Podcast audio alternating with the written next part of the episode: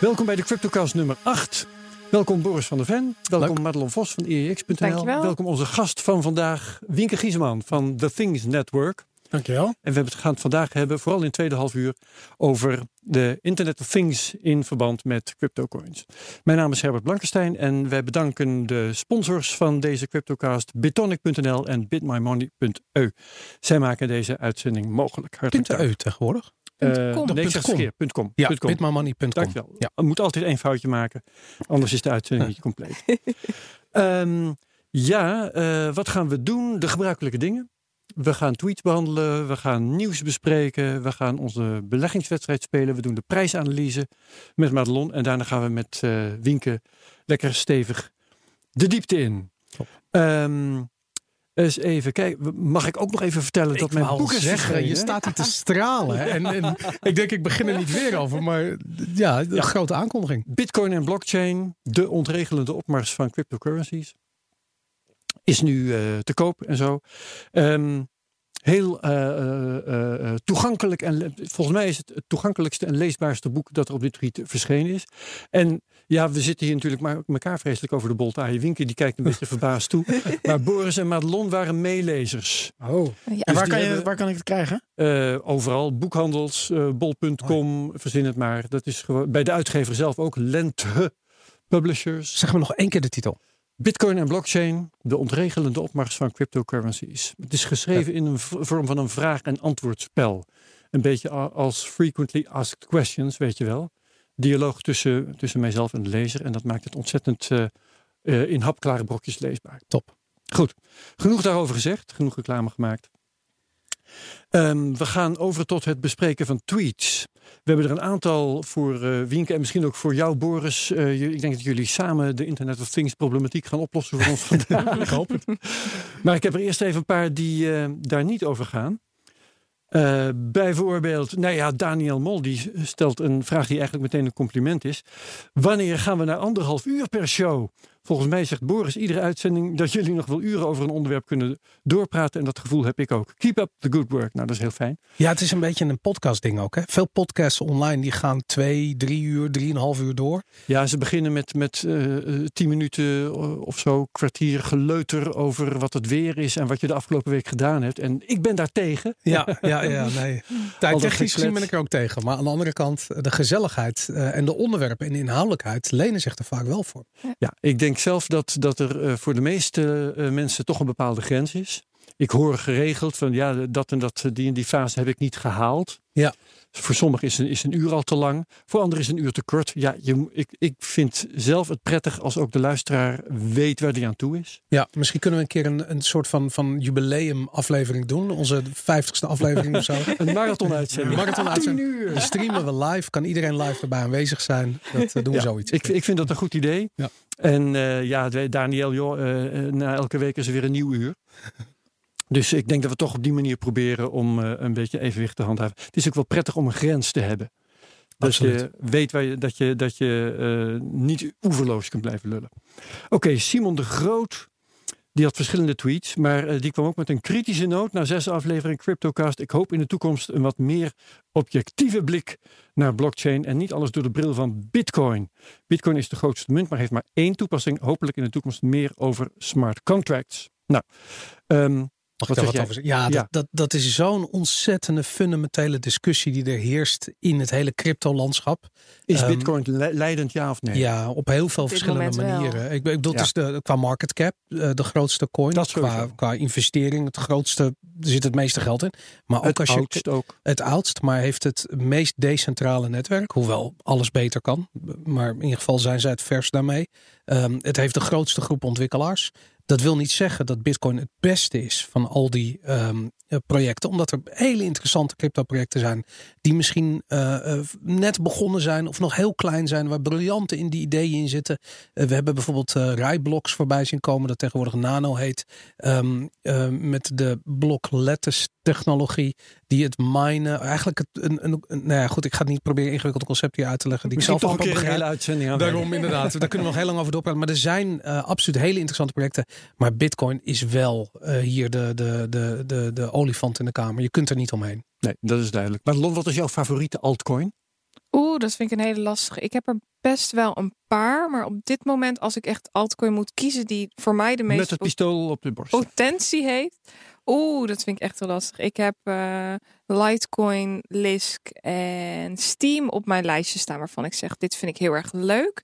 Maar ja, iedere, iedere altcoin heeft zijn eigen mooie aspecten en die kan ook iets anders bewerkstelligen. Dus ik vind het lastig om daartussen te kiezen. Ja, ja, ja, ja. Nou, we moeten misschien toch wat, eh, een keer wat meer aandacht besteden aan. Wat is jouw favoriete altcoin, Boris? Ehm, op dit ogenblik uh, VeChain. Uh, VeChain. en, maar daar wil ik graag ook even Daar gaan over we het door straks ook uh, praten. Straks, ja, inderdaad. Ja. Ja. Oké, nou dan, uh, dan doen we dat.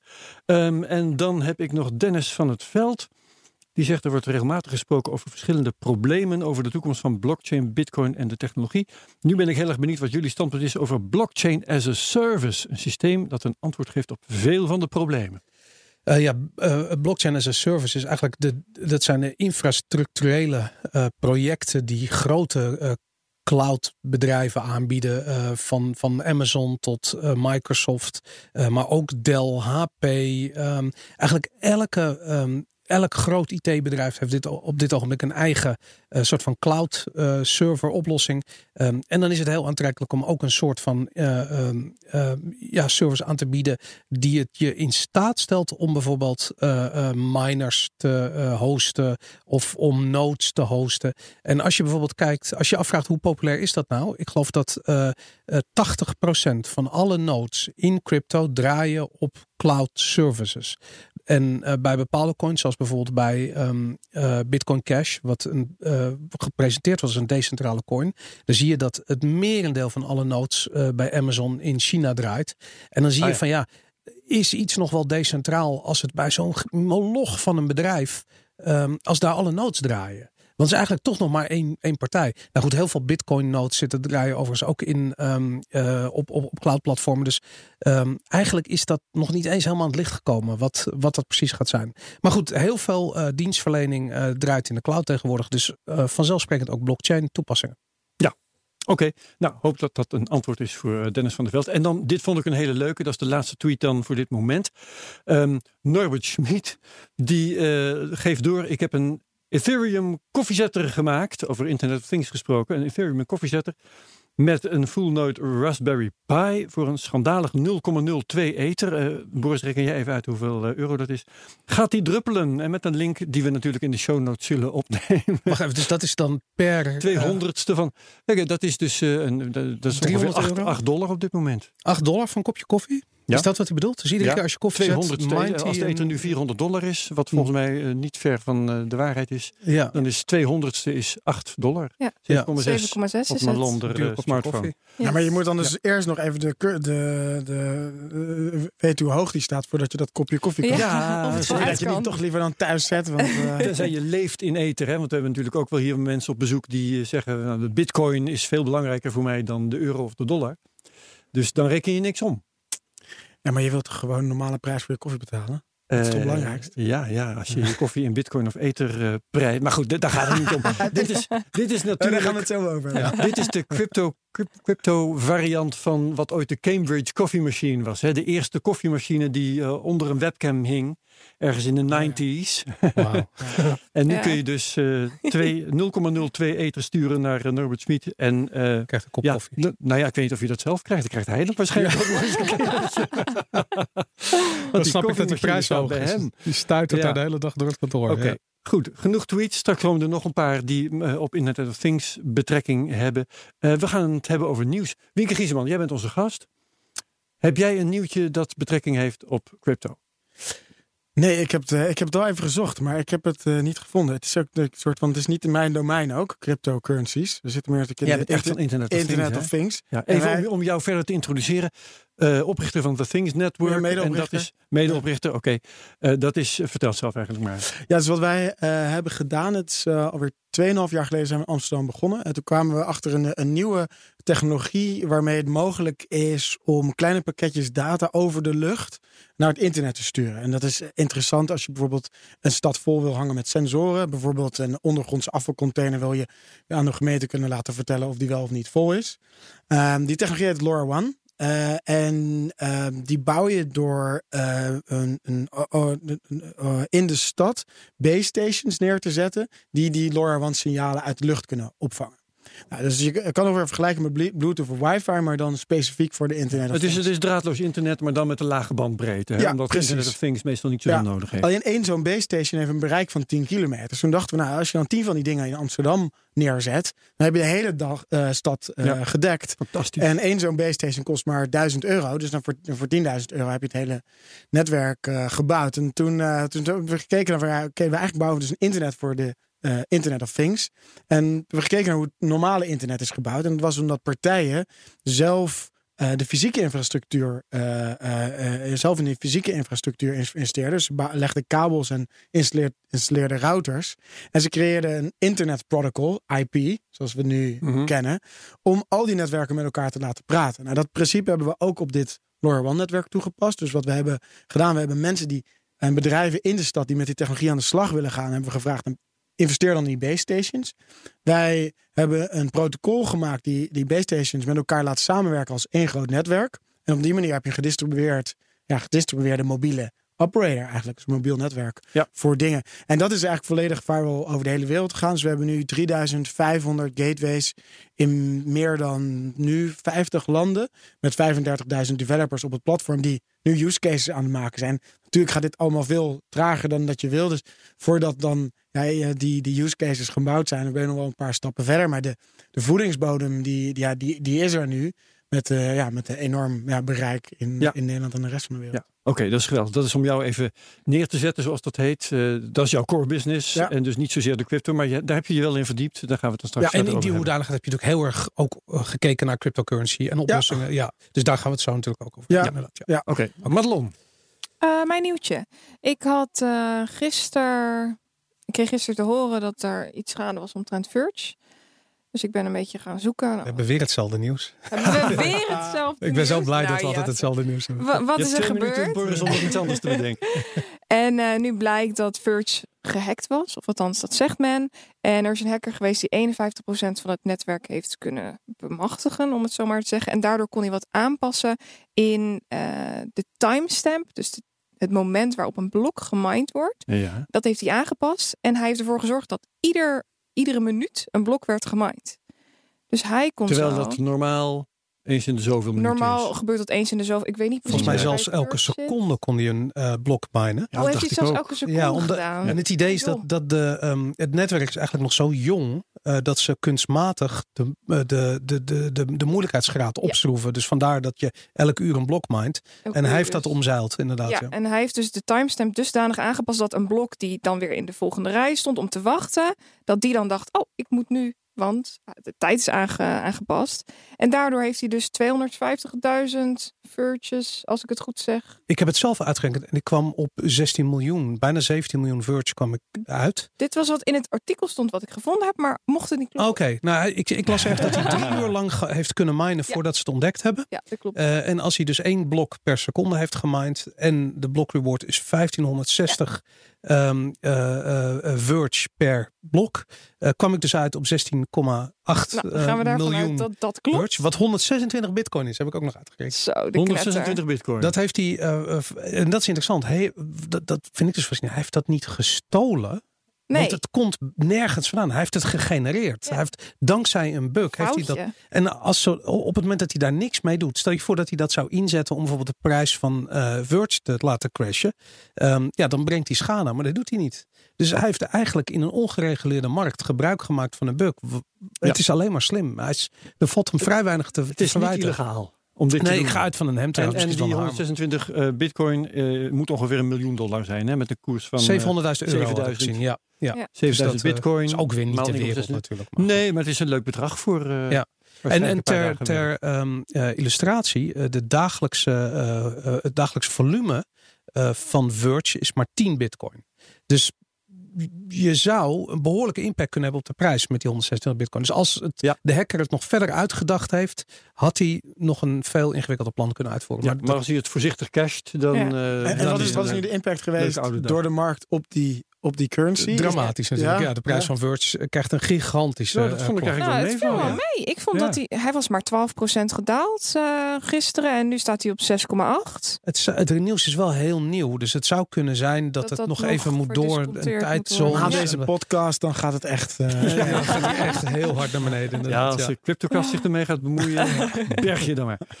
Oké, eh wou je nog een andere Nee hoor, nee, dat was, eh, Jij dat- vindt het wel mooi zo? En ik vind, Ja. ik wil wat toe. Het is schokkend. Ik bedoel, het geeft aan Ja. hoe, hoe, hoe nieuw deze eh, eh, business is. Want Want laatst was er ook een, een of andere bug in Ether. Die hadden toevallig op tijd eh, gecorrigeerd. Ze hebben het bijna allemaal. IOTA heeft het ook gehad. Ja. Eh, nou goed, moeten we het zo maar over hebben. Maar dat, eigenlijk al die beginnende coins. En het is logisch. Vaak zitten er één of twee programmeurs op zo'n project.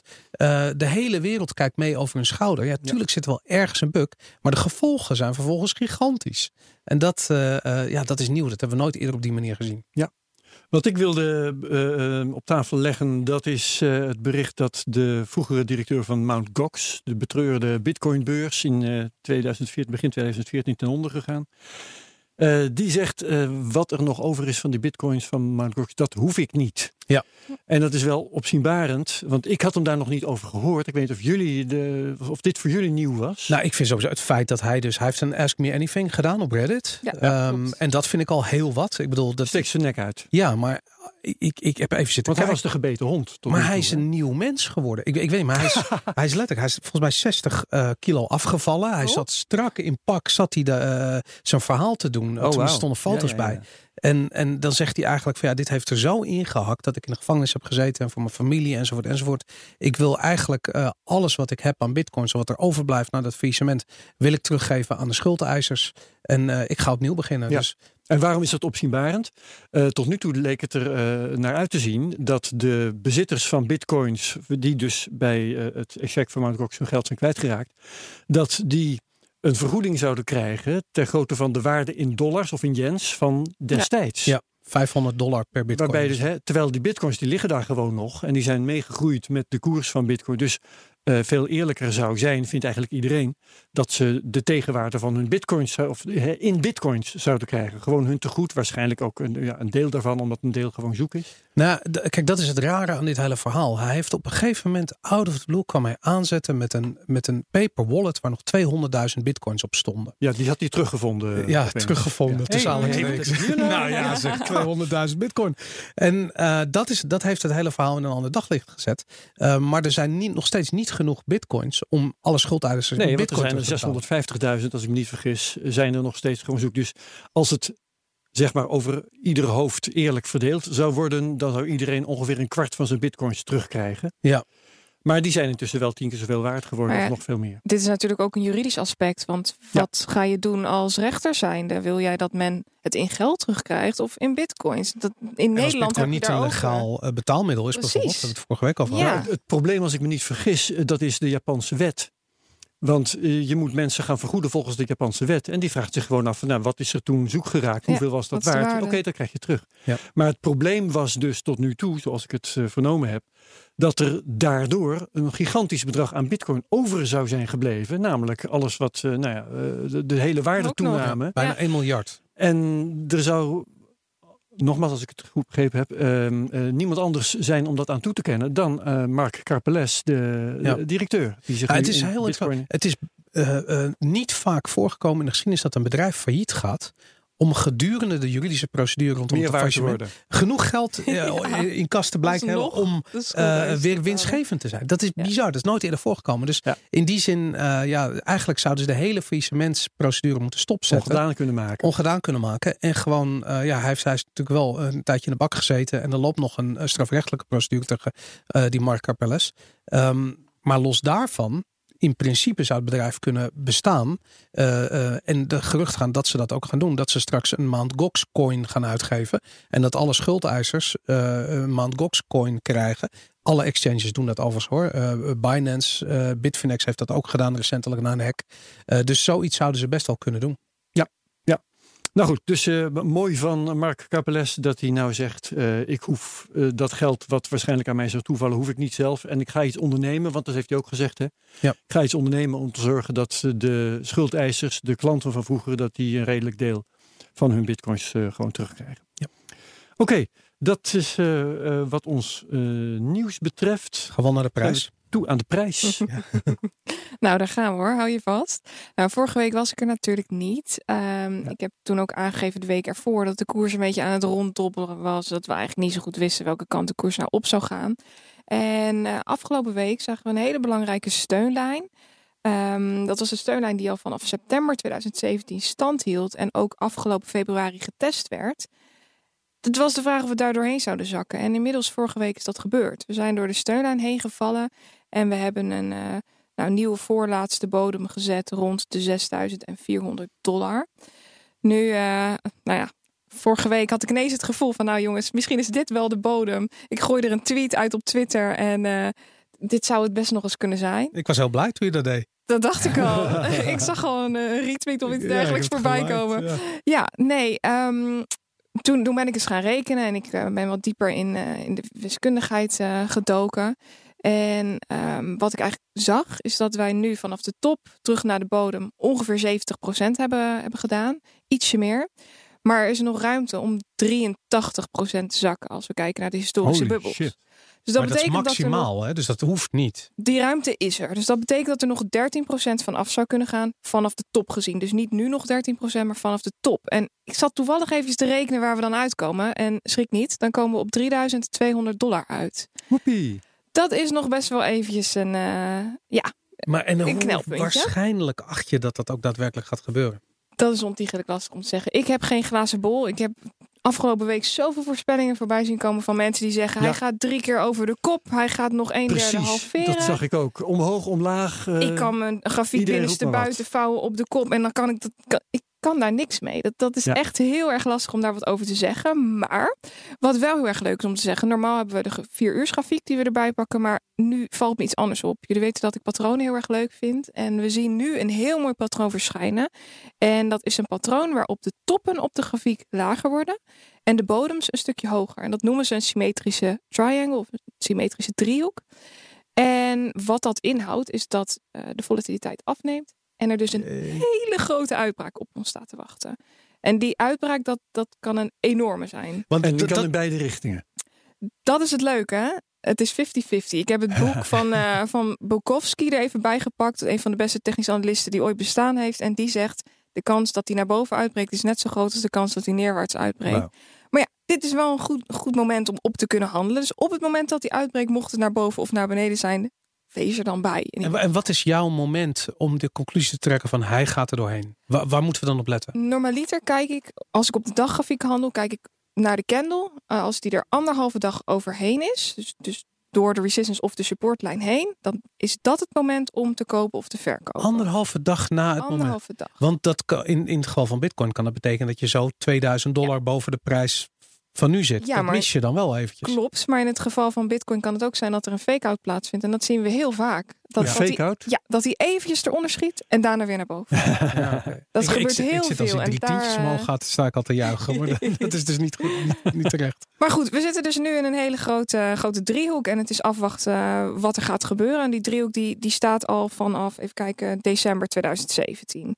Dus eh, we Nou. gaan het zien. Heel spannend. Hou het in de gaten. Ik heb weer een analyse geplaatst op iex.nl. Dan kun je het allemaal eventjes nalezen. Top. En wat voor soort eh, tijdspannen kunnen we aanhouden voor, het, voor die uitbraak? Naar, zowel naar beneden of naar boven? Eh, even kijken voor wat ik nu zie. Voor juni moet die uitbraak Oh. plaatsvinden. Dus ik hoef mijn wekker niet te zetten. Dat is nog wel, nog wel Dat, even. dat kan nog eventjes duren. Maar wellicht kan hij er ook zo doorheen schieten. Dus you never know for sure. Nou ja, vorig jaar juni zaten we wel op een gigantische piek natuurlijk. Dus voor hetzelfde geld gebeurt dit jaar weer.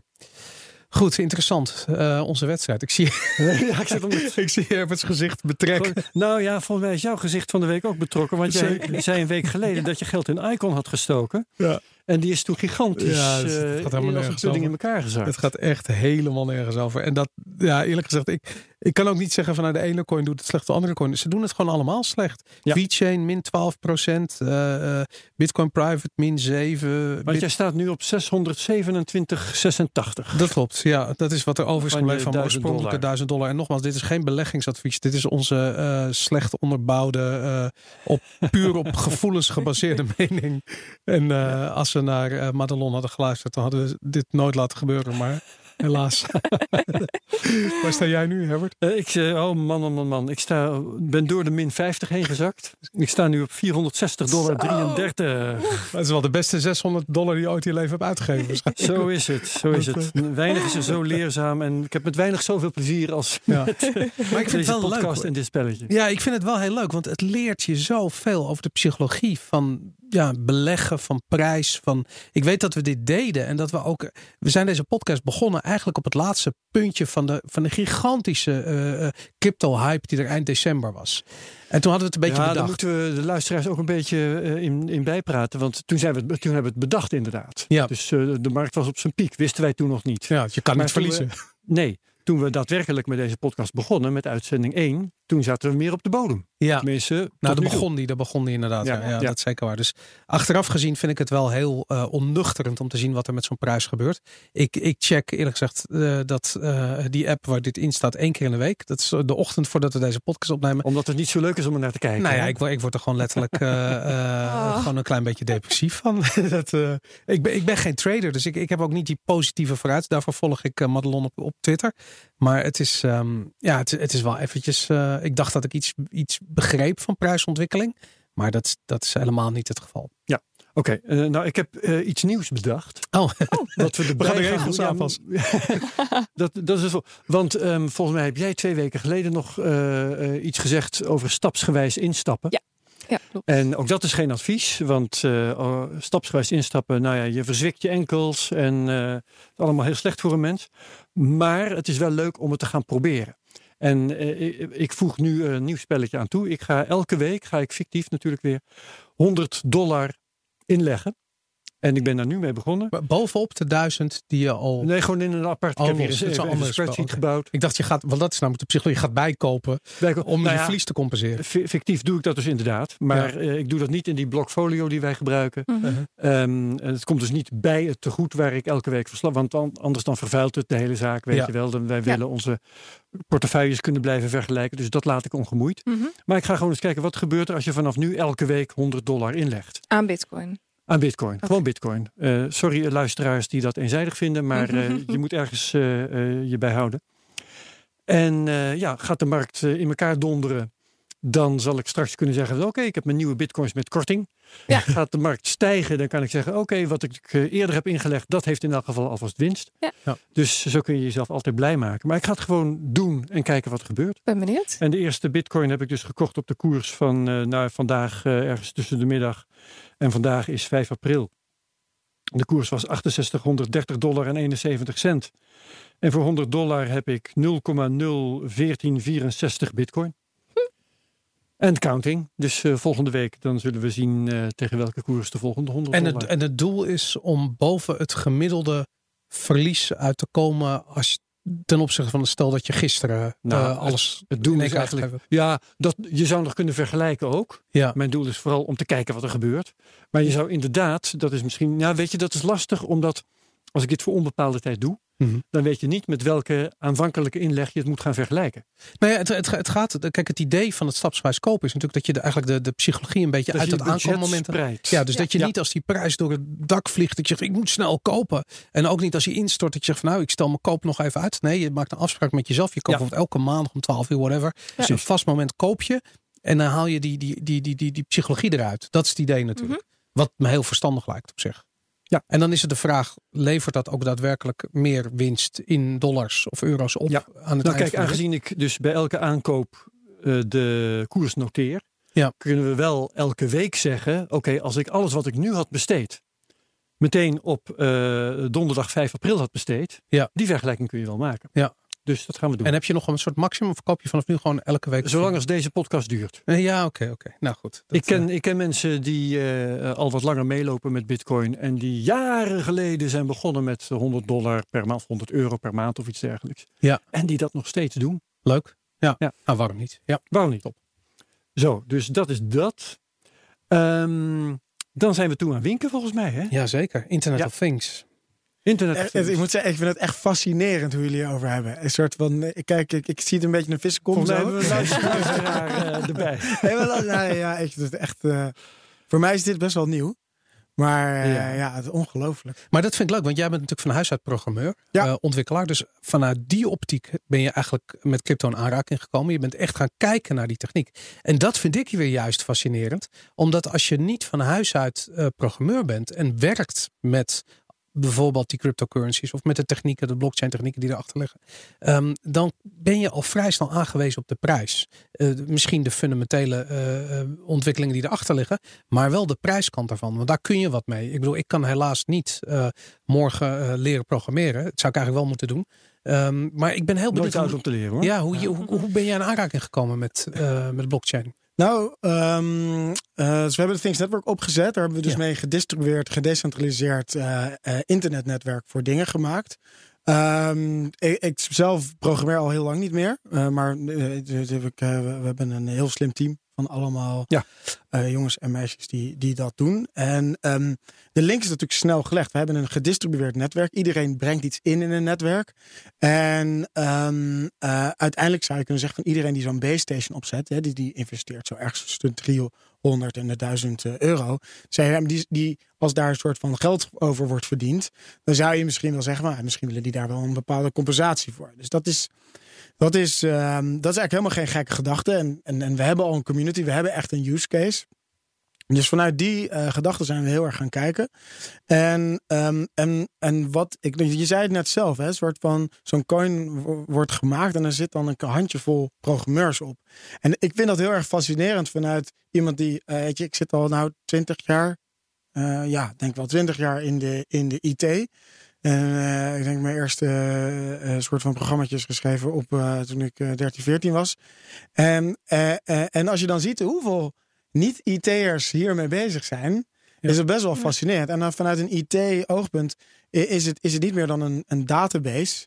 Wat een, een, een, een ja, soort van wat, wat een mechanisme is die de records aan elkaar knoopt door te verwijzen naar de volgende record. En op die manier een, eh, een, een, een makkelijk te automatiseren soort van eh, eh, ja, integriteitscheck van die Ja. database kan doen. En dat is natuurlijk, dat, dat is natuurlijk een super interessante feature. Ehm, eh, als ook de transactiekosten dan ook laag zijn. En dat is een beetje hoe je als programmeur naar kijkt. Dus, ehm, dus vanuit die- dat oogpunt hebben we naar verschillende technologieën gekeken. Ehm, eh, eh, bijvoorbeeld naar IOTA. We kennen David en Dominique kennen wij, kennen wij al sinds dat eh, niemand Dat IOTA kende. Dat zijn oprichters van IOTA. ja. Even, even volledige namen alsjeblieft. David en Ik Dominique. weet het niet. Weet je zelfs niet eens? Oké. Nee, nee, volgens mij. even op. Zoek maar even op. Maar Ja. volgens mij, mensen die in de crypto zitten, weten volgens mij wel wie David en eh, Dominique zijn. En die, ehm, want volgens mij zijn ook de twee die het meest de voorgrond treden. Want die andere twee oprichters. eh, Dat zou kunnen. Ik, er is- dus, ik zit aan een andere naam te denken. Maar goed, laten we Ja, het daar niet over hebben. Niet. Dus, die, ehm, dus daar, daar hebben we in eerste instantie naar gekeken. En eh, eh, wat, wat, je, eh, wat je ziet nu in het ecosysteem van crypto is je hebt speculanten, je hebt platformbouwers en gebruikers. Op het moment dat er een gebruiker komt kijken, dan, dan, dan wordt, het, wordt eigenlijk altijd best wel lastig. En een van de dingen die wij ook conceptueel, waar we heel erg tegenaan zijn gelopen, is dat ehm, we, we, we, we bijvoorbeeld een, ehm, een, eh, een IOTA of, of een E- Ethereum, die gaat ervan uit dat die ondersteunt transacties. Dus als je een heel erg transactioneel waardesysteem hebt, dan, dan gaat het heel goed werken. Maar dat heel, moet je uitleggen. Wat is Wat, een wat, ja, wat, transactioneel een, een transactioneel waardesysteem is, eh, is, eh, is een systeem waarbij jij mij een dienst levert en ik jou direct daar een betaling voor doe, terug doet. En Mhm. dat dat ook meteen soort van 100% van, van de waarde is. Het Ja. internet is vanuit het internetprotocol is het, eh, zijn er heel veel berichtjes. Maar de waardesystemen op eh, internet zijn niet of nauwelijks transactioneel. En het is niet 100%. Er zijn, eh, ik zal zo een aantal voorbeelden eh, eh, noemen waarvan ik denk dat het wel erg toepasbaar is. Maar bijvoorbeeld hoe het internet gebouwd is, dat partijen hebben geïnvesteerd in de kabels en de routers. Ja. En die hebben volgens die netwerken aan elkaar gebonden, omdat ze zagen dat het geen zero-sum game was. Dus zij zagen dat als ik met jou verbind, dan is eigenlijk onze gezamenlijke waarde wordt zoveel meer. Ja. Dat ik niet ga zitten ouwenelen over dat eigenlijk jij bijvoorbeeld 90% leverage en ik 10%. Betekent dat het niet transactioneel is. Want het betekent dat het alleen werkt als wij elkaar vertrouwen. Ja, het netwerkeffect. het, ne- het netwerkeffect, Ja. maar ook dat het ecosysteem het netwerkeffect ge- eh, in gelooft en elkaar daar niet op probeert te leveragen. Nou, Als dat groeit, nou, een goed voorbeeld is bijvoorbeeld Netflix. Die maakt gebruik van de infrastructuur van Ziggo KPN. En die gaat over dat lijntje. Nou, KPN en Ziggo verdienen daar niks aan. Er gaat een waardetransactie over dat netwerk. Maar die verdienen daar niks aan. Nog niet. Uh, nog niet en gaat ook niet gebeuren, want uh, we hebben netneutraliteit en dat, uh, dat is. Nou, in Europa zit dat. Er moet nog flink wat gebeuren in Europa. Ja, willen we dat. Okay. Dus wat er gebeurt is dat dat, dat, dat, dat is heel erg relationeel. En dan zegt KPN of zeggen: nee, hey, Netflix, jullie moeten niet betalen. En dan zegt, zegt Netflix: nou ja, maar door mij gaat iedereen van 20 Mbit naar 50 Mbit. Ja. Dus je moet niet zo zeuren. Oh, oké, okay, het is goed. Dus... Maar, maar, vind je niet dat daar namelijk ergens een ongelijkheid in zit? Die iedereen aan het opzoeken is. Bijvoorbeeld de hele netneutraliteit discussie. Is er eentje van deze data heeft meer waarde dan die data. Ja. Uh, ik las een voorbeeld van uh, DDoS attacks. Waarbij ja. ze eigenlijk zeiden van de uh, data is gratis data versturen. En daardoor is het heel makkelijk ja. om, een, om een tag uit te voeren. Precies, dus, dus, de, dus de openheid van het internet kent zijn kwetsbaarheden. Um, en het relationele karakter kent ook zijn kwetsbaarheden. Maar allemaal wel tegen hele, hele lage overheadkosten. En het moment dat je dus um, op een lagere granulariteit gaat kijken naar die transacties, ga je ook transactiekosten per transactie introduceren. Wat dus ook weer heel erg, uh, uh, wat enorme soort van ook de, hoe zeg je dat, de liquiditeit in die markt uh, uh, enorm schade toe doet. Dus, ja. uh, dus, dus hoe is het Things Network ontstaan? Mensen die gaan die gateways opzetten. En wij dachten ook begin, ja, op een gegeven moment gaan mensen zeggen van ja, maar mijn, mijn, net, mijn gateway wordt gebruikt voor dit en dit en dat. Ja, en de stroom. Maar, maar dat, ja. dat, dat, dat, dat gebeurt helemaal niet, omdat mensen niet in ieder geval niet op dit moment denken in een soort van, in niet denken in een zero-sum game. Die denken niet, jij wint, dus ik verlies. Ja. En, uh, en op het moment dat je een systeem hebt, die dus niet zero-sum game is, dan en, en met impliciet vertrouwen en heel erg relationeel, dan is het heel gevaarlijk om een blockchain-technologie of een, of misschien niet eens blockchain, maar op sowieso transactioneel te maken. Wat is het gevaar dan? Nou, ik mag een metafoor gebruiken. Ja. Het is, um, ik, misschien ken u het boek Freakonomics. Ja. ja. Mm -hmm. ja. Er zit een heel leuk voorbeeld in van een, uh, een kinderopvang. En die vonden dat ouders te laat kwamen. Oh ja. En, uh, en ja. dus mensen kwamen vijf minuten te laat. Ja, we moeten, hè, dus moeten wij weer uh, wel een gedoe van. Dus toen zeiden ze: nee, wat? We gaan. Uh, als jij vijf minuten te laat bent, voor elke vijf minuten, dan betaal je een uh, 2 dollar extra. En dus wat daar gebeurde, is dus een soort van moreel impliciet vertrouwensrelatie, wordt vervangen door een transactioneel expliciet vertrouwens. Of een transac transactioneel, transactionele ja. relatie. En het idee was, als de mensen dan moeten betalen voor te laat komen, gaan ze minder te Precies, laat dat was, dat was ja. als incentive. Dus toen, ja. op een gegeven moment, toen kwamen er meer mensen te laat. Want die hadden in ieder geval dat morele werd weggenomen. Hè? Dus dat onderbuikgevoel wat je hebt als je in die meeting zit. Van ah, shit, ik moet er toch weg. Ik betaal dus dat ik te laat ik betaal. Dus ik kan mijn morele... Het recht om te laten komen. Ja, ja. mijn morele schuld in mijn hoofd kan ik, kan ik afbetalen. Nou, super mooi. Willen we allemaal wel. Dus, dus dat was... Oké, okay, dus dat werkte niet. Prima. Dat is, maar de les was, toen ze terugdraaiden, werd het zelfs erger. Ja. Dus, dus, wow. dus het, het, is niet een soort van... Als je van uh, impliciet, uh, relationeel uh, een model naar een soort van expliciet transactioneel model gaat, betekent niet meteen dat je het zomaar kan terugdraaien. Dus, um, en, en, en ik denk dat, um, dat je dus, dus, dus daarom, uh, hè, want wij zijn een start-up en die werken in experimenten. Als maar als een experiment zorgt dat alles, uh, ja, alles opblaast, dan is het geen experiment meer. Dus wij zijn er heel voorzichtig mee. Uh, en ja, dus, dus dat is. Ja. Even samenvattend. Ja? Wat je dus eigenlijk zegt is: uh, je kunt er niet zomaar van uitgaan dat de transactionele relaties die apparaten bijvoorbeeld met elkaar hebben uh, of aangaan, um, dat dat per definitie een, een positieve uitkomst heeft ja. aan het eind van de rit. Dat is ja. wat je zegt. Ja, dus er moet echt een probleem zijn dat er dus een. Dus, dus dan, dan nu een voorbeeld doen waar ik denk dat, dat het wel nodig is. Ja. Um, uh, als wij websites bezoeken, dan zien we advertisement. En al die partijen die vertrouwen elkaar niet. Dus wat er gebeurt is dat is die advertisement uh, wordt getoond. Worden alle stakeholders die krijgen een ping van jouw browser. Ja. Dat is ook de reden waarom bijvoorbeeld grote, zelfs grote websites vijf tot tien seconden duren om te laden. Omdat ze, voordat ze jouw pagina willen laten zien, even eerst alle adverteerders willen laten weten. Oké, okay, deze gebruiker met deze cookie krijgt nu deze advertentie te zien. Maar daar zou je dus bijvoorbeeld uh, uh, uh, interessant zou kunnen zijn om een blockchain technologie. Waren het niet dat het, dat, dat, dat het, het belangrijkste feature van zo'n model latency en lage transactiekosten is. Ja. Dus zelfs daar heb je een hoog gecentraliseerd model. Waarbij je zomaar een mediapartij gewoon moet vertrouwen dat, jij, dat, er, dat, je, dat ze duizend advertenties voor je hebben laten zien. En je weet het helemaal niet. Ik probeer het even wat minder abstract te zien. Hè? Ik wil, kun je, zou je een voorbeeld kunnen geven van een toepassing, eh, ehm, een, Internet of Things toepassing, waarbij eh, eh, transacties gebruikt worden ehm, om apparaten op een zinnige manier met elkaar te kunnen laten communiceren? Ja, dus, dus je hebt twee dingen. Eh, Een soort van apparaten praten met apparaten. Dat is dat machine to machine. Dat is ook waar IOTA voor staat. Mhm. En dan heb je ook gewoon sensoren praten met dashboards. Zodat mensen inzichten kunnen hebben. Ja. Ehm, als je dan, dus ik denk dat je daar moet kijken. Ik, als je kijkt naar dat machine to machine. Eh, ja, ik vind dat van IOTA echt een, een, een, een prachtige soort van toekomstvisie. Ehm, eh, en, eh, dat en- machines elkaar betalingen doen. In ja, dat is fantastisch. coin. Ja, dat is een soort van. En, en ehm, dus dat is het idee dat, dat mijn. Mijn, eh, ehm, de, bijvoorbeeld, de gemeente heeft schoonmaak, schoonmaakwagentjes. Die worden door kunstmatige intelligentie gestuurd. Die krijgen, krijgen zo'n bepaalde logica ingeprogrammeerd. dat ze zichzelf duurzaam kunnen maken. Ja, dus die, die zorgen, die handelen in een economie. zodat ze bijvoorbeeld voor altijd kunnen blijven.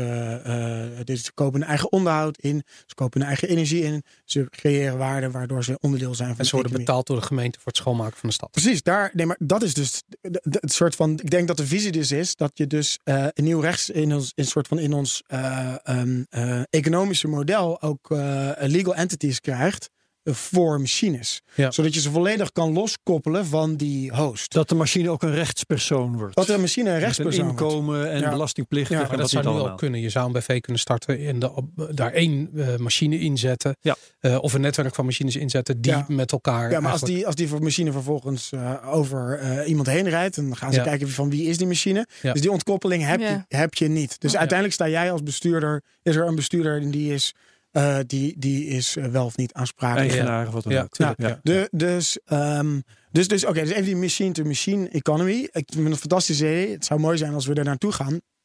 Maar de, de, de beperkende factor is niet dat we daar geen eh, transactiesysteem voor kunnen bedenken. Elke coin zou daarvoor Elke gebruikt coin, kunnen worden. maar Ja. ook geen coin. Hè, we zouden ook eh, daar bijvoorbeeld hoog gecentraliseerde eh, soort van eh, systemen voor kunnen maken. Eh, en dan is daar zitten veel meer Je andere bedoelt bottlenecks. dat een, een machine zou ook gewoon een bankrekening kunnen hebben bij een Waarom of andere commerciële Ja, bank. En, dat eh, kan ook. automatische ja, je zei het incasso. Transactiekosten. Ja. En het ding van IOTA is natuurlijk, eh, die hebben dat, eh, ehm, ik ben even de naam kwijt van eh, hun Tangle. blok. Tangle inderdaad, hun, hun blockchain oplossing. Daardoor houden ze eigenlijk kunstmatig de transactiekosten extreem laag. Ja.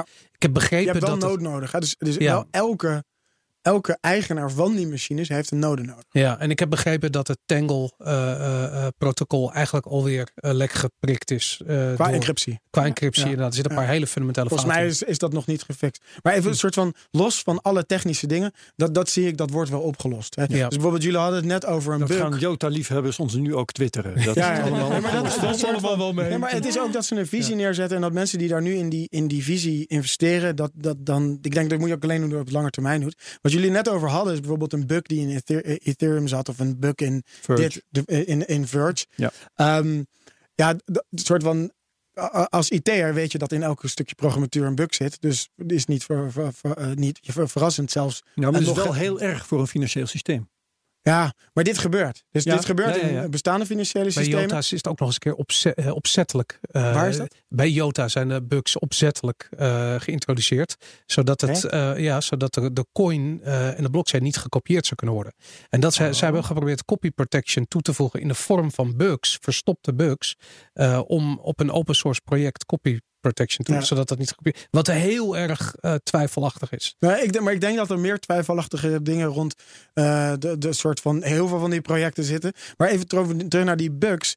Eh, nou, jij kan je misschien wel de, de DNS-bug van, van op DNS is de manier waarop we op de, onze computers op internet een domeinnaam die jij begrijpt kan koppelen aan een IP-adres. Ehm, dat bestaat al Ja. 30, 40 jaar. Ja. En tien jaar geleden is daar nog een, nog een zeer kritische bug in ontdekt. Hm. Door iemand die met eh, ziekteverlof was. Eh, en eh, ik weet niet of je het Wired artikel kent. Het is een super mooi verhaal.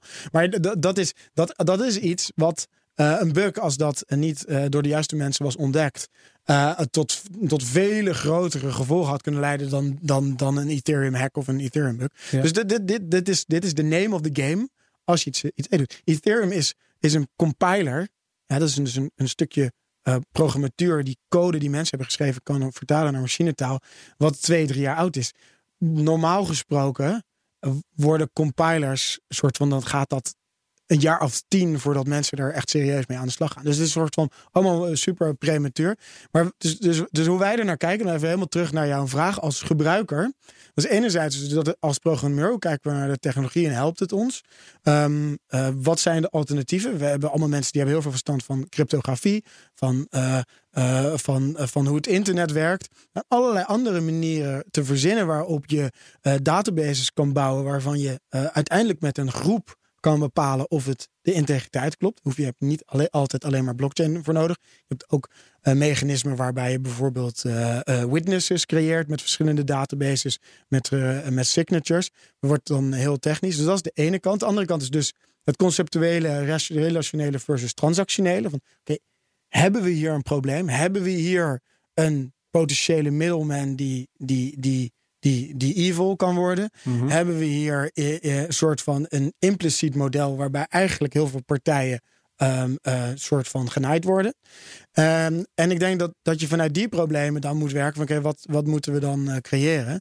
En de andere is waar wij tegenaan lopen, is dat we zijn een, een, een, een, nu bezig en, en je zijn bedrijven als WeWork, Deutsche Bahn, um, uh, um, allerlei uh, soort van partijen over de wereld die gaan zijn met die technologie bezig. En dat zijn IT-besluitnemers. En wat die willen, wat een CIO, een CTO wil, die wil maar twee dingen. Die wil één dat het veilig is. En die twee wil dat de kosten beheersbaar zijn. Dus die wil weten dat als ik nu duizend sensoren doe, dat ik dat ik zoveel betaal.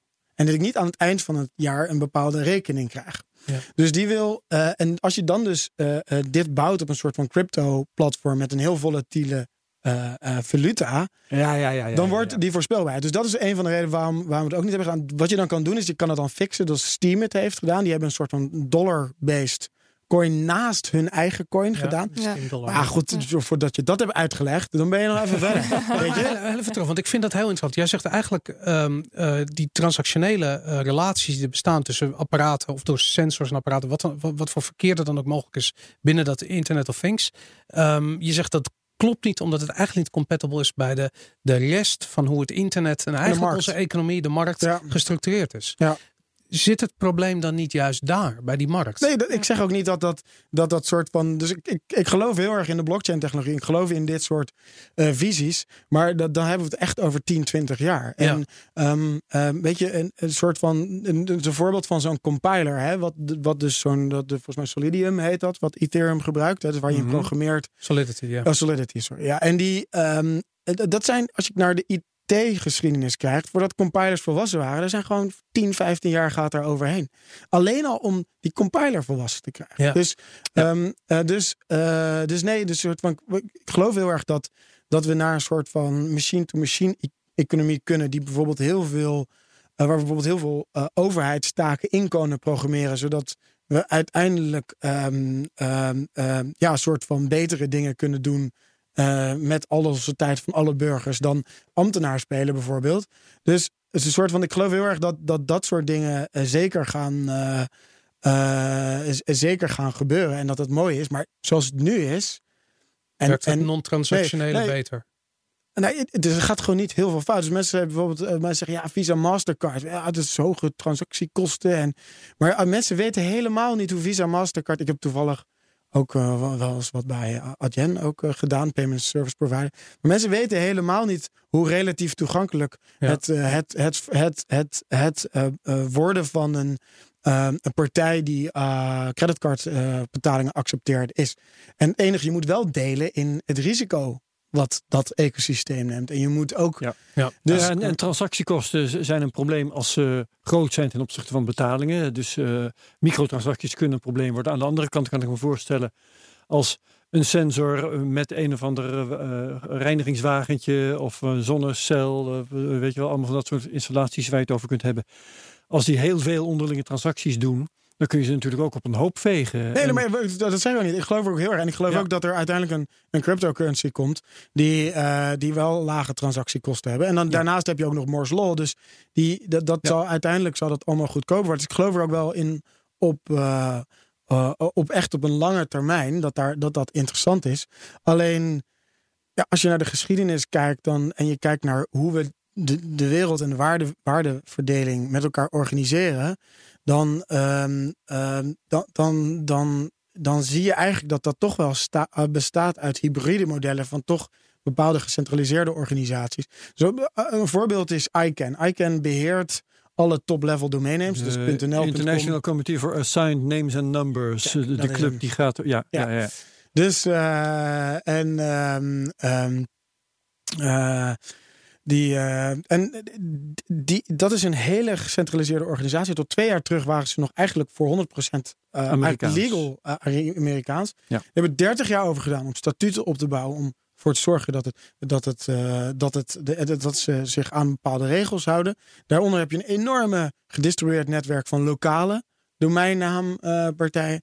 ja, en dat, dat, dat werkt gewoon heel erg goed, omdat er een soort van eh, ja, centrale autoriteit die zegt: we gewoon doen het zo met z'n allen. Ja, eigenlijk verwoord je een, een kritiek die ik heel veel hoor op eigenlijk alle altcoins. En dat is namelijk dat iedereen een fantastisch bestaansrecht of een businessmodel verzint eh, voor een nieuw project. Daar een ICO voor doet om veel geld binnen te halen. En eigenlijk iets gebouwd heeft wat veel efficiënter op een gecentraliseerde database zou Ja. kunnen draaien. Dan op een soort Ja. van kunstmatig gecreëerde blockchain. Ja, omdat ze. Maar dat is dus een beetje raar, want ze, ze, ze, hebben, ze gebruiken crypto omdat ze eigenlijk gewoon fundraising willen doen. Ja. En dan, gaan ze, dan hebben ze zich eh, gebonden aan het feit dat ze dan dus ook iets met crypto gaan doen. En Ja. wat ik wel heel erg mooi vind, is een soort van democratisering van, van durfkapitaal. Want voorheen was dat alleen toegankelijk tot mensen die eh, mensen kennen die VC's Ja. kennen. Hè, voor, voor als jij een bedrijf hebt Maar dat is al beginnen. een heel ander soort probleem. Dat je dan aan het oplossen bent. Eh, nou, het is een vrij gecentraliseerd probleem dat VC's, eh, dat, dat, er, dat de toegang tot VC's via. ja, maar de toegang zo- tot geld voor bedrijven is een ander soort probleem dan het Het gaat twee kanten op. Nee, maar de- van de- de- transacties ja, tussen maar machines. dat is een bilaterale relatie. Dus het enerzijds is de bedrijven die toegang hebben tot kapitaal. En de andere is kapitalisten die toegang hebben tot eh start-ups. Dus het wordt op tweede kanten op gedemocratiseerd. Mhm. En wat je dan dus krijgt, en dat is, dat is, dat is voor ons wel eh, nog een reden geweest om, om aan na te denken over toch iets van een ICO doen. Omdat je dus heel veel eh, eh, mensen gedistribueerd over heel de wereld toestaat om achter jouw visie te gaan staan. In plaats Ja. van dat een select groepje investeerders eerst toegang Ja. krijgt tot Ja. de aandelenemissie. Wat je bij Facebook zag. Ja. En, en wat maar, dat is, maar eigenlijk dit is het normale spel. Nee, dat is nu. allemaal goed en wel, maar dat is, het is, eh, hou ik vol, een ander soort probleem dan eh, transacties binnen Nee, het Internet of Things. Nee, maar dat is mooi. Maar het is een soort van bijoplossing van crypto. Ja. Dus, Ja. dus, dus en, ik, en dat, ik vind dat een mooi gegeven, omdat het, eh, omdat het, omdat het daarvoor zorgt. De vraag is of dat nu niet, eh, omdat die toegang tot kapitaal zo makkelijk werd, of dat dan niet moeilijk is. Maar kijk, waar ik in zou geloven is als, een, ehm, eh, als, een, als, je een, eh, als je een ICO ziet, die dat geld direct in de markt investeert. Niet in hun platform, maar in de markt investeert die ze doen. Dus een van de, dus we hebben een heel ICO bedacht, maar we hebben dat uiteindelijk niet gedaan. Maar Wacht, Zullen we even wachten? Ja. Want ik wil weten waarom jullie dat niet gedaan Nee, hebben. maar ik wil nog eventjes het over Internet of Things blijven Ja, hebben. Want we hebben nog een aantal tweets daarover. Ja. En anders dan zijn we, Ja, is het onderwerp helemaal uit ons geheugen weggecijpeld. Ehm eh, een zekere Jan vraagt bijvoorbeeld: kan crypto een oplossing bieden voor het grootste probleem van IoT, de beveiliging? Ik zie anders de meerwaarde nog niet, zegt hij met een smiley erbij. Ehm, lijkt mij eigenlijk een ander probleem Ja. dan transacties. Ja, Toch? maar beveiliging los je gewoon op met end-to-end encryptie en juiste key management. En, en dus dat, dat, dat zit in heel veel IoT-protocollen zit dat al. Dus je hebt eh, een soort van Ja. waar wij LoRaWAN zit in het protocol aan end-to-end encryptiemechanismen. Ehm, dan kan je nog door, door een soort van de, is, er, is er iets gedaan met die data? En dat is heel erg moeilijk omdat het op een fysiek niveau zit. Dus dat kan je niet automatiseren. Dat is namelijk gewoon een fysieke sensor die iets meet. Dus ehm, dan, dan zou je een soort van tamper-proof sensors moeten maken. Die eh, de meting echt soort van zo dicht mogelijk op het fysieke niveau eh signed. Mhm. Eh, en op die manier dus de, de, de, ja, de juistheid van die data kan, kan garanderen. Maar dat, dat blijft natuurlijk altijd eh, ja, meten. Is, het is, het is gewoon, uiteindelijk heb je een verbinding met de echte wereld. En dan Ja. heb je die observering. Dus zowel op eh, eh, blockchain gebruiken om voor te zorgen dat ik weet, oké, dit is de juiste data. Tot en met, ik wil graag, ik wil niet dat ieder, iemand erbij komt. Ja, dat, Ja. Dat is niet... Dus op hardware niveau certificering en geen Chinese goedkope rommel. Ja, dat Eh, ja. en op Ja. software niveau eh, gewoon protocollen gebruiken die eh, end-to-end encrypted zijn, Net Ja. zoit dat, Ja. dat slotje bij in je webbrowser zie je Ja. als een internet blokkeer bent. Ja. Ik pak er nog een andere uit, Simon de Groot. Ehm, ik- er zijn verschillende twitteraars die verschillende vragen tegelijk stellen. Dat wordt heel ingewikkeld. Ik pik er even eentje uit. Eh, kunnen IoT-apparaten wel op een blockchain met het oog op stroomverbruik? Is Ja, dat, dat, een nou, dat, is, factor? dat is wel wat IOTA probeert te, te, te, te, voor- te voorkomen door uiteindelijk ehm, de, het blockchain gebeuren te delegeren naar een node die Mhm. je online draait. Dus el- elke IoT-eigenaar van zijn nodes heeft een, eh, heeft, heeft een eh, sorry, van zijn sensoren, een, een, even een term uit elkaar te die heeft dan ook een IOTA-node nodig. En die, die doet uiteindelijk die processing. Dus dat betekent, en dat is ook een beetje, denk ik, waar, waar je, wat ook betekent dat, je kan niet zeggen dat eh IOTA geen transactiekosten heeft. Je delegeert het alleen weg van, van die devices, omdat die vaak op batterijen draaien en die wil je niet allerlei ingewikkelde encryptie eh Ja, ja, laten ja. uitvoeren. Even kijken. ehm, doe nog eentje. Eh, hoe, ziet, eh, hoe zie jij smart contracts in het licht van IoT? Ehm, ja, dat, ik, denk, ik denk dat dat twee losse dingen zijn. Het is een soort van. ehm, ehm, eh, in- in- kijk, smart contract is, is iets wat ge- eh, uitgevoerd wordt op, bepaal, eh, op bepaalde voorafgestelde condities. Dus- En daar kan je eigenlijk achteraf niet meer aan sleutelen. Dat is een beetje het idee. Ja. Ehm, dus ja, dat is mooi. En daar zou je een sensortechnologie bij kunnen gebruiken. Dat je bijvoorbeeld dat als input ziet voor die smart contract. Ehm, Ja. Pas Dus dat als je zegt de temperatuur als- boven een bepaalde... Ja. Of, of juist als de temperatuur in de koelkast te hoog is geweest... dan, Dan- kan de partij niet meer verkocht worden. Noem maar wat. Ja, dan niet meer al- als alle partijen in die waardeketen aangesloten zijn op dat systeem. En de wereld uit Ja. alleen maar die currency bestaat. Ja. Dus, Maar goed, eh, dat laat onverlet alle andere kritiek die jij op eh, blockchain hebt gehad. Nou, ik, weet, Eh, ik denk dat ik niet hoe zoveel moeilijk het is kritiek op. eh, nou er is niet zo kritiek op blockchain, meer van, van, van, van de, de, de, de- Het is gewoon een technologie die een bepaald probleem moet oplossen. Eh, en, en je moet uitkijken dat je niet eh, met een technology push eh, allerlei waardevolle systemen omverwerpt. Die, Omdat marketing eigenlijk het hele Internet of Things idee misbruikt voor ICO's en het snel ophalen van geld via, Ja. via ICO's inderdaad. Want is dat ook de reden dat jij zelf geen... Ik ga een heel mooi bruggetje maken. Even tussendoor. Ja, is dat Ja, de reden waarom je zelf geen ICO eh, wilde doen? Nou, we hebben er gewoon heel lang over getwijfeld, omdat je gewoon die enorme hoeveelheden geld ziet. Ja. En, ehm, en we, hebben, we hebben gewoon gezegd, ja, weet je, IT is al zo'n hype. Als we daar nog dit ook aan toe gaan voegen, we willen gewoon, we willen gewoon een aantal, eh, we willen gewoon eh, ons, eh, ons model valideren, doordat er gewoon Ja. partijen ehm, eh, ehm, ja, een soort van werkende use cases bouwen op dat netwerk. En daar waarde genereren. En, en, en de infrastructuur is een middel.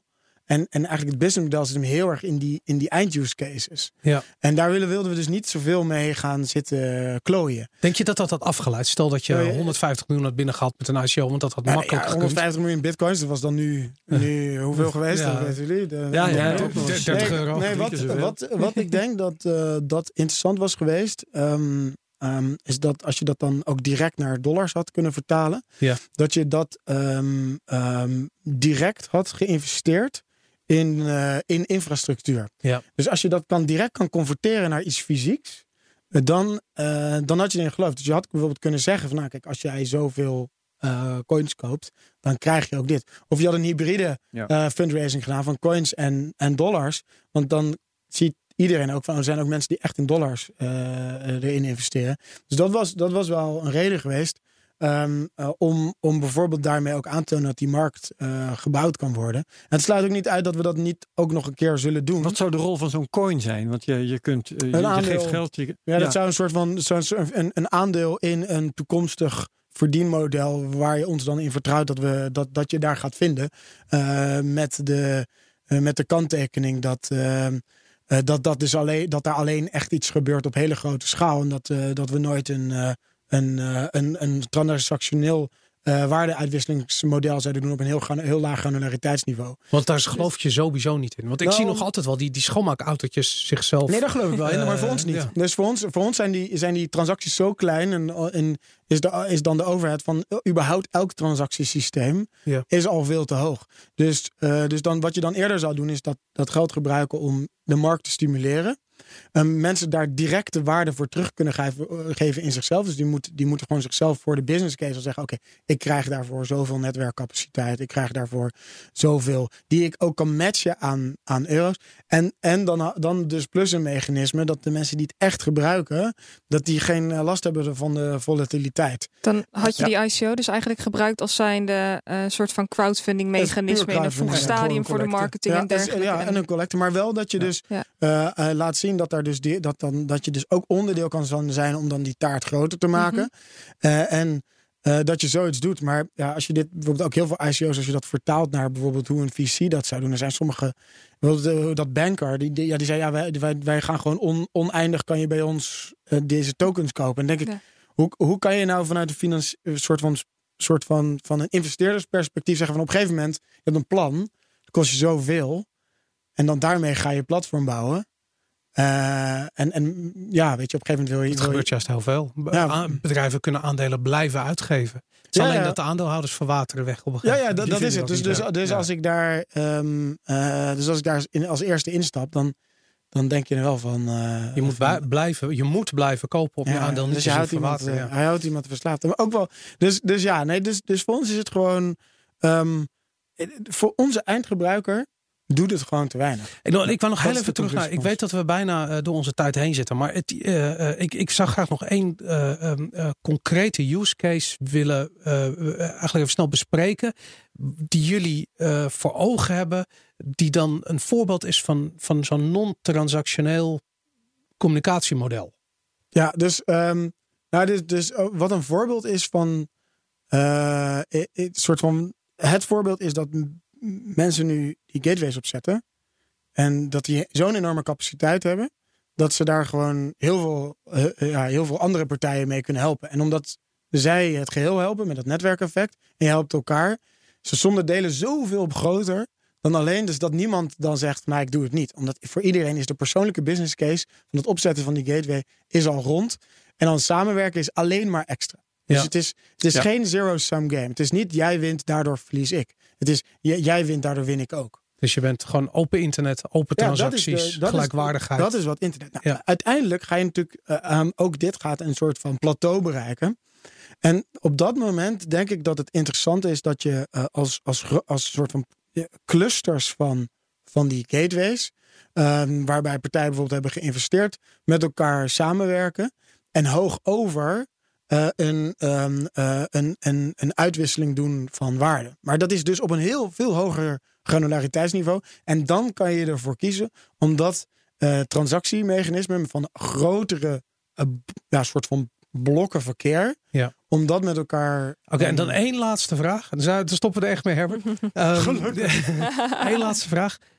Welke coin of welke second layer solution of wat dan ook gaat er gebruikt worden over tien jaar als belangrijkste eh crypto oplossing voor die eh, wel ehm, transactionele eh, communicatie? Jota, VeChain, Walton Chain, ITC, ETC. Bitcoin Lightning, Ethereum, Ja, Ethereum ja, ik heb echt geen verstand van de, de cryptocurrencies. dus ik vind, ik vind de blockchain technologie. Welke eigenschappen moet hij dan hebben?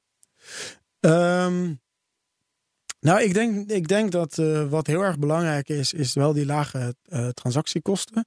En ehm, ik denk ergens dat een 100% gedecentraliseerd model uiteindelijk niet wenselijk is. Ik denk dat er uiteindelijk mensen een, een, een escape knop ergens moeten hebben. Of een commissie. Dus geen Bitcoin. Of een. Ja, de- maar de- de- niet voor dit, denk ik. Mhm. En ik denk dat als we. ehm, ja, ik dat, dat. eh, maar goed, ik zit er ook te weinig in. Maar als ik naar de geschiedenis kijk van het internet. Er zijn toch heel veel modellen hebben. In ieder geval één gecentraliseerd. Linux. Ja. Dus nog steeds Linus. De uitvinder Foundation. Ja, ja, is de dictator. En Ja. dat noem je een bene, bene- benevolent dictator. Goed En hij mag dictator zijn omdat iedereen kan zijn ideeën forken en een oppositie starten en hem van zijn troon stoten. Ja, nou, Linux tot- Foundation heeft ook volgens mij het eh, R3 consortium project overgenomen. Dus misschien dat dat het dan wel wordt. Maar als het om coins gaat, eh, welke IoT-coin zou jij eh, voorstaan, Boris? Oh, jezus. Eh, ehm, eh, ik, ik, ik denk dat... De Jesus coin. Ja, de Jesus coin. Nee, ik, ik, eerlijk gezegd geloof ik heel erg in eh, de tweede en misschien ook wel derde, vierde laag bovenop grote gedecentraliseerde Ja, projecten zoals Bitcoin. Lightning. In. Lightning Network, Ja. dat soort dingen. Of misschien wel een eigen layer specifiek hiervoor die voldoet aan de eisen van een specifieke technische toepassing. Zoiets. Hier gaat vast weer stevig over getwitterd worden. Ik hoop het. Dankjewel Wienke Gieseman van The Things Network. Ja, dankjewel. Madelon Vos van IEX.nl. Dankjewel, Herbert. Boris, bedankt. Ik vond het tof. Ik ook. Tot de volgende CryptoCast. Je hebt er een luisteraar bij trouwens.